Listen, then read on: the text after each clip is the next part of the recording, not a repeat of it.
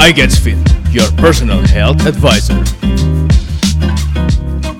Hello, welcome back everyone. I hope you all doing well today. Baik lagi dengan gua Bram dan co-host gua. Charlie.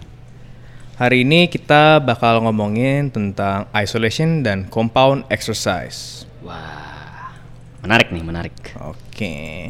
Kalau dari lu sendiri, Char, apa sih si isolation dan compound exercise ini nih? Dari lu kalau dari lu. Oke, kita mulai dari iso, is, sorry, isolation dulu ya. Isolation itu jadi gerakan uh, uh, gerakan exercise yang menggunakan hanya satu sendi dan satu otot. Dan kalau untuk compound exercise itu adalah gerakan yang menggunakan lebih dari satu sendi dan satu otot. Yang dari isolation tuh pasti kebanyakan dari anak-anak bodybuilding. Hmm. Terus kalau kayak yang compound tuh mungkin kayak anak-anak yang di luar bodybuilding lah. Contohnya Ya. kayak misalnya anak-anak powerlifting atau mungkin anak-anak kalistenik. Ya, nggak usah jauh-jauh. Iya. Calisthenics. Padahal sebenarnya eh, untuk di bodybuilding sendiri ya, bodybuilding sendiri pun ya nggak semuanya isolation loh. Iya. Bahkan ada beberapa bodybuilder atau mungkin ya atlet lah kita sebutnya atlet Hmm. yang dia tuh malah suka nge-start exercise-nya atau latihannya tuh dengan compound exercise dulu. Compound exercise dulu. Iya, jadi dia lakuin compound dulu, abis itu dia baru tuh ke isolationnya. Mm-mm. Banyak tuh kayak gue banyak temen-temen yang di Instagram lah yang suka gue lihat-lihat juga tuh eh, atlet-atlet bodybuilding yang dia tuh latihannya tuh dari compound dulu baru ke isolation. Jadi eh, yang lebih ke besar sampai yang ke spesifik ya berarti ya. Bukan besar sih sebenarnya, tapi kayak grup. Oh iya, sorry. Iya. Grup. Mm-mm. Nah, kalau kita breakdown gerakan compound exercise ini sendiri pun ya, bahkan sebenarnya ini tuh saling membantu antara si compound dan si isolation. Jadi kayak eh, kenapa kita harus ngelakuin dua-duanya nih? Di judulnya podcast kita hari ini kan Ya. isolation dan compound kan. Mm-mm. Jadi sebenarnya kita di sini bukan mau nyebut mana yang lebih bagus dan mana yang nggak bagus. Mana yang Tapi di sini kita mau ngasih tahu ke teman-teman bahwa kalian tuh harus lakuin dua-duanya sebenarnya. Ya. Jadi eh, if you want to get better performance atau better results, eh, lakuin dua-duanya Lakuin dua-duanya. compound dan isolation. Nah nanti tuh kita bakal ngejelasin juga eh, di ke depannya nanti nih eh, kenapa harus lakuin dua-duanya nih. Hmm. Karena masing-masing tuh punya pros and cons-nya lah, Hmm. atau punya benefit dan ke- kekurangannya. Kekurangan. Nah sebelum kita ngebahas itu, kita bakal kasih tahu nih contoh-contoh gerakan dari masing-masing nih. Kalau dari lu sendiri, Char, Mhm. isolation tuh apa aja sih contoh gerakannya? Kalau gerakan isolation ya yang paling favorit jelas bicep curling. Itu everyone's favorite ya. Iya. Ibaratnya kayak si The Rock aja, people's elbow. Wah ini people's favorite.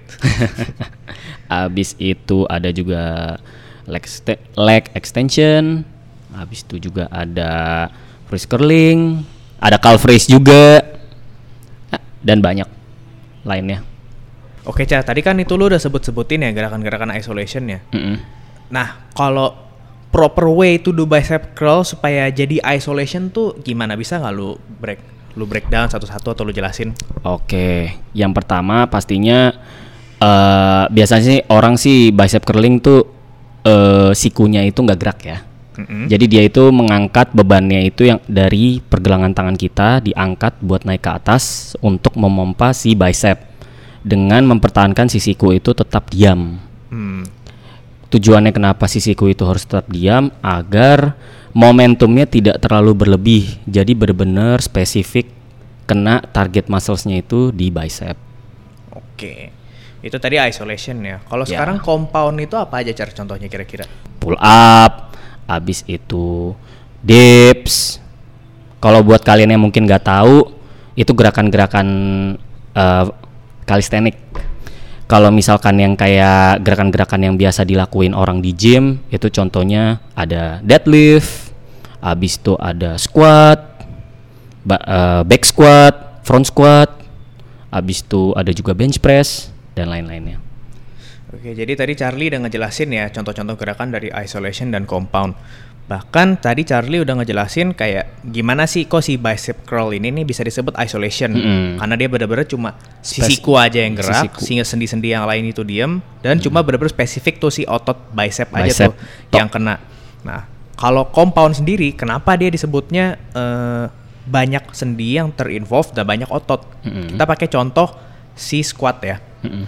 pada saat kita squat itu banyak banget eh, sendi dan otot yang ke involve. Tetap memang squat itu eh, otot utama yang terlatih itu kan si paha kan Paha. atau otot quadricep kita. Benar. Nah, pada saat kita turun hips kita atau eh, pelvis kita dia gerak.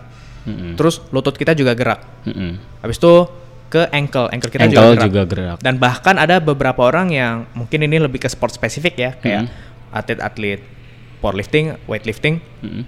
Pada saat dia turun, sikunya dia itu ikut ikut bergerak juga, Ikut ikut, maju ke depan. Itu spesifik lebih ke front squat. Ya. Enggak juga sih. Enggak juga ya. Back back squat pun juga Karena ya. pasti itu gimana caranya untuk ngaktifin otot seratus anterior lo kan. Ah, benar. Atau orang-orang biasanya nyebutnya otot 100 200. 100, Lebih 200. simpelnya daripada 100 anterior kan. Keren sih disebutnya 100 200 ya. nah, di situ tuh si compound exercise itu tuh tech roll. Dia tuh banyak banget muscle-nya eh, karena tadi siku udah banyak ya atau sendi yang ke involve yang gerak, akhirnya otot-otot yang lain tuh juga banyak gerak. Bahkan kayak squat meskipun otot penggerak utamanya itu si quadricep ya, Quadricep paha. kita punya hamstring juga ikut kerja. Ya. Habis itu kita calves juga kerja. Ankle kita tuh kan. Ya. Habis itu juga kita punya core juga kerja terutama si serratus anteriornya. Anterior. Oblique kita juga kerja. Hampir semuanya bahkan kerja. Kalau di squat itu ya. Mm-mm. Itu eh, that's why kenapa squat disebut compound.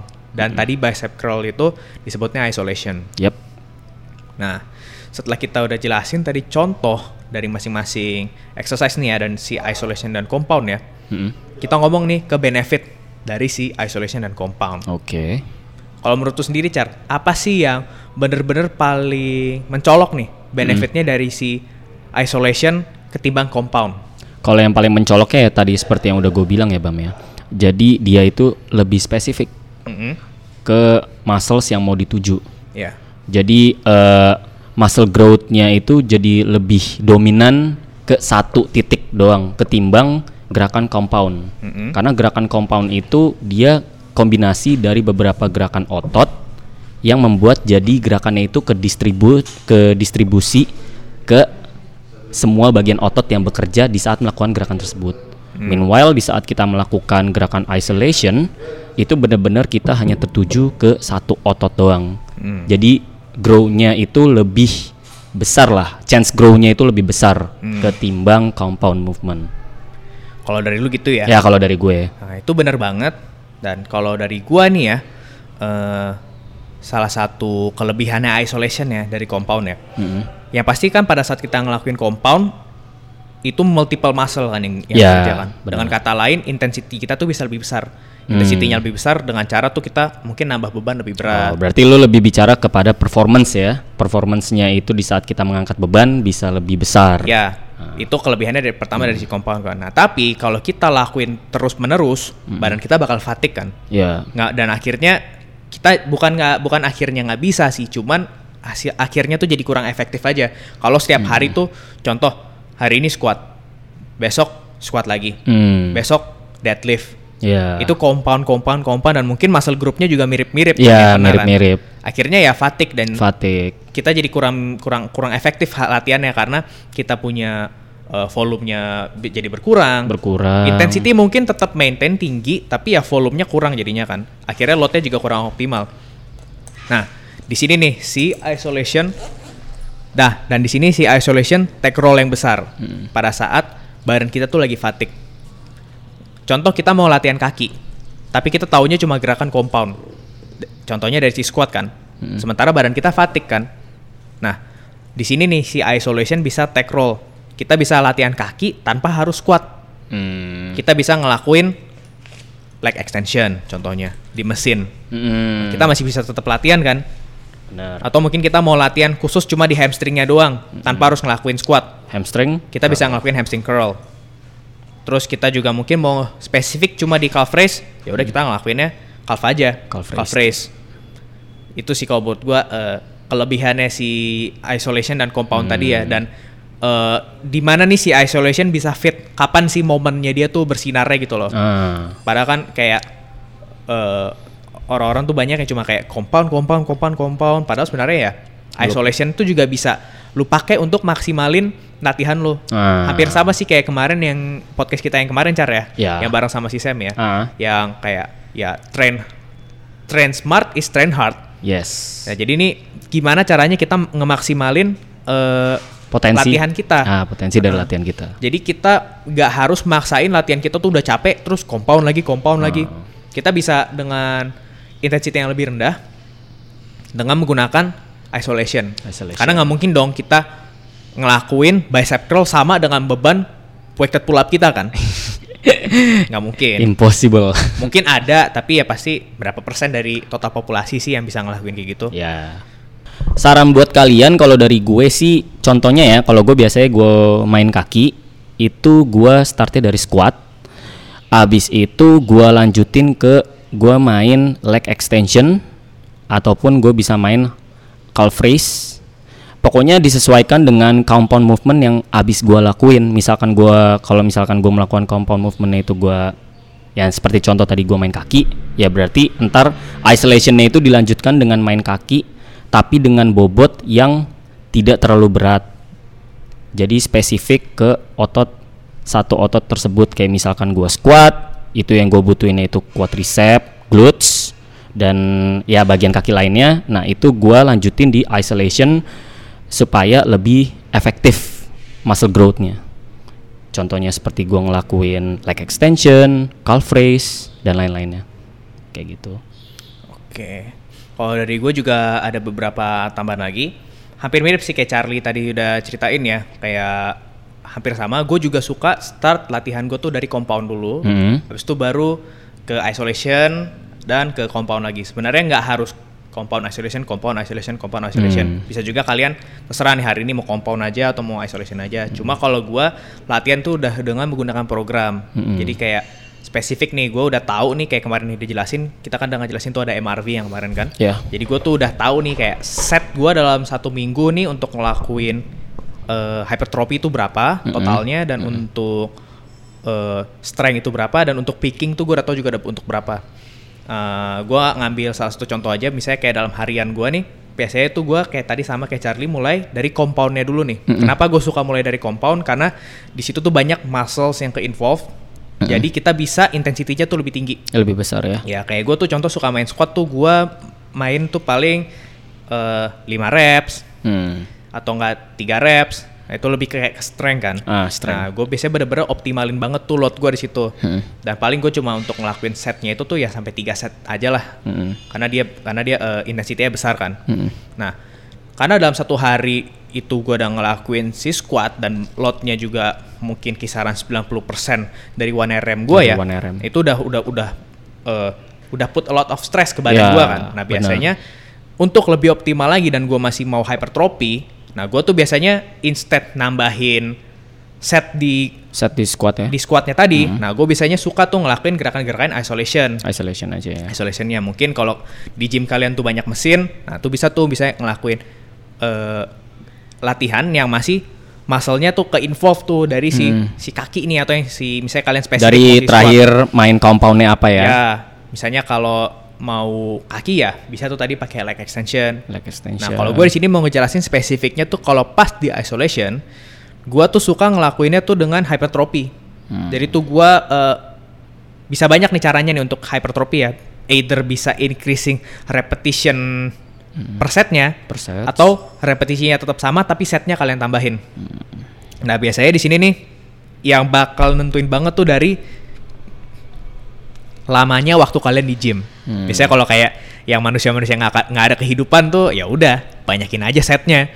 itu sampai 20 set, 30 set ya serah dia lah. Kalau Ya, emang itu masih jangan- hypertrophy dia ya. Jangan sebut nggak ada kehidupan lah. Apa? Anggap anggap aja ya mereka emang bercetus di situ, mereka emang bekerja di situ, Emang di situ ya? emang atlet. Emang atlet ya. Jahat banget kayaknya. Nggak, tapi kayak kalau atlet pun juga latihannya nggak sampai selama nggak sampai 30 set juga sih ya, kayaknya. who knows kan? Oke tadi gue bisa suka ngelakuin isolation itu dengan eh, hypertrophy. Jadi Hmm. dengan tadi nambahin set atau repetisinya. Hmm. Dan ini faktor utama yang nentuin itu tuh dari waktu. Biasanya kalau orang yang waktunya eh, dikit di gym, pasti dia tuh suka ngelakuinnya setnya dikit tapi dalam satu set tuh bisa repetisinya banyak. Repetisinya bisa, rame. Bisa 10 sampai 20. Hmm. Nah, kalau kayak orang yang mungkin waktunya lebih free, dia biasanya bisa ma- lebih maksimalin waktu restnya dia. Hmm. Jadi setnya diperbanyak, diperbanyak. Ah, dia. iya. Jadi juga karena setnya banyak, akhirnya rest in betweennya dia tuh bisa Hmm. lebih banyak. Oke, jadi tergantung dari kalian ya Ya. kebutuhannya seperti apa dan waktunya itu miliki waktunya itu sebanyak apa. Hmm. Dan itu tadi that's why kenapa eh, kalian harus ngelakuin dua-duanya nih si isolation dan compound. Karena nggak bisa nih sewaktu-waktu kalian cuma latihannya eh, compound doang. Karena kayak kalau kalian seminggu nih compound mulu compound compound compound ya minggu depan ya nggak usah nggak usah ngomongin minggu depan. Mungkin besoknya aja kalian tiga hari ngelakuin full compound besoknya tuh juga udah Tepar. tepar banget badan mungkin orang-orang menyebutnya DOMS gitu kan oh Hmm. badan gue DOMS ini nih hypertrophy padahal nggak selalu juga tuh yang Hmm. namanya DOMS tuh lead tuh eh, pembentukan otot nggak Hmm. selalu gitu loh terus hati-hati juga nah dan kalian pun juga nggak bisa isolation terus Iya. karena kalau isolation terus ya seberapa banyak sih variasi isolation yang bisa kalian lakuin terus terus terus terus terusan gitu loh pasti lama-lama juga monoton kan akhirnya bosan Hmm. juga kan akhirnya badan kalian tuh juga karena eh, udah terbiasa ngelakuin gerakan itu dan muscle memorinya juga udah dapet akhirnya ya muscle growth-nya juga kurang bagus kalau Dan eh, coba eh, kalau gua salah ya, bener nggak nih? Kalau terlalu banyak isolations atau terlalu fokus ke isolations, menurut lu terlalu take takes time nggak sih? Text time-nya dalam seperti apa nih maksudnya Jadi karena dia kan cuma satu bagian spesifik otot kan, Mm-hmm. jadi kayak butuh ngelakuinnya itu banyak kayak misalkan mau main, Oh iya, iya kan? Ah, ya ini kayak tadi yang gue bilang ini salah satu faktor yang bakal nentuin eh, latihan kalian di gym yaitu waktu.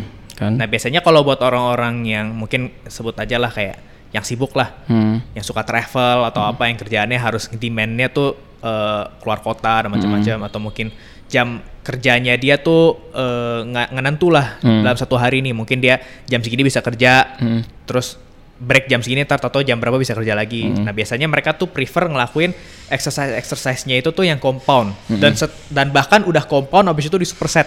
Buset.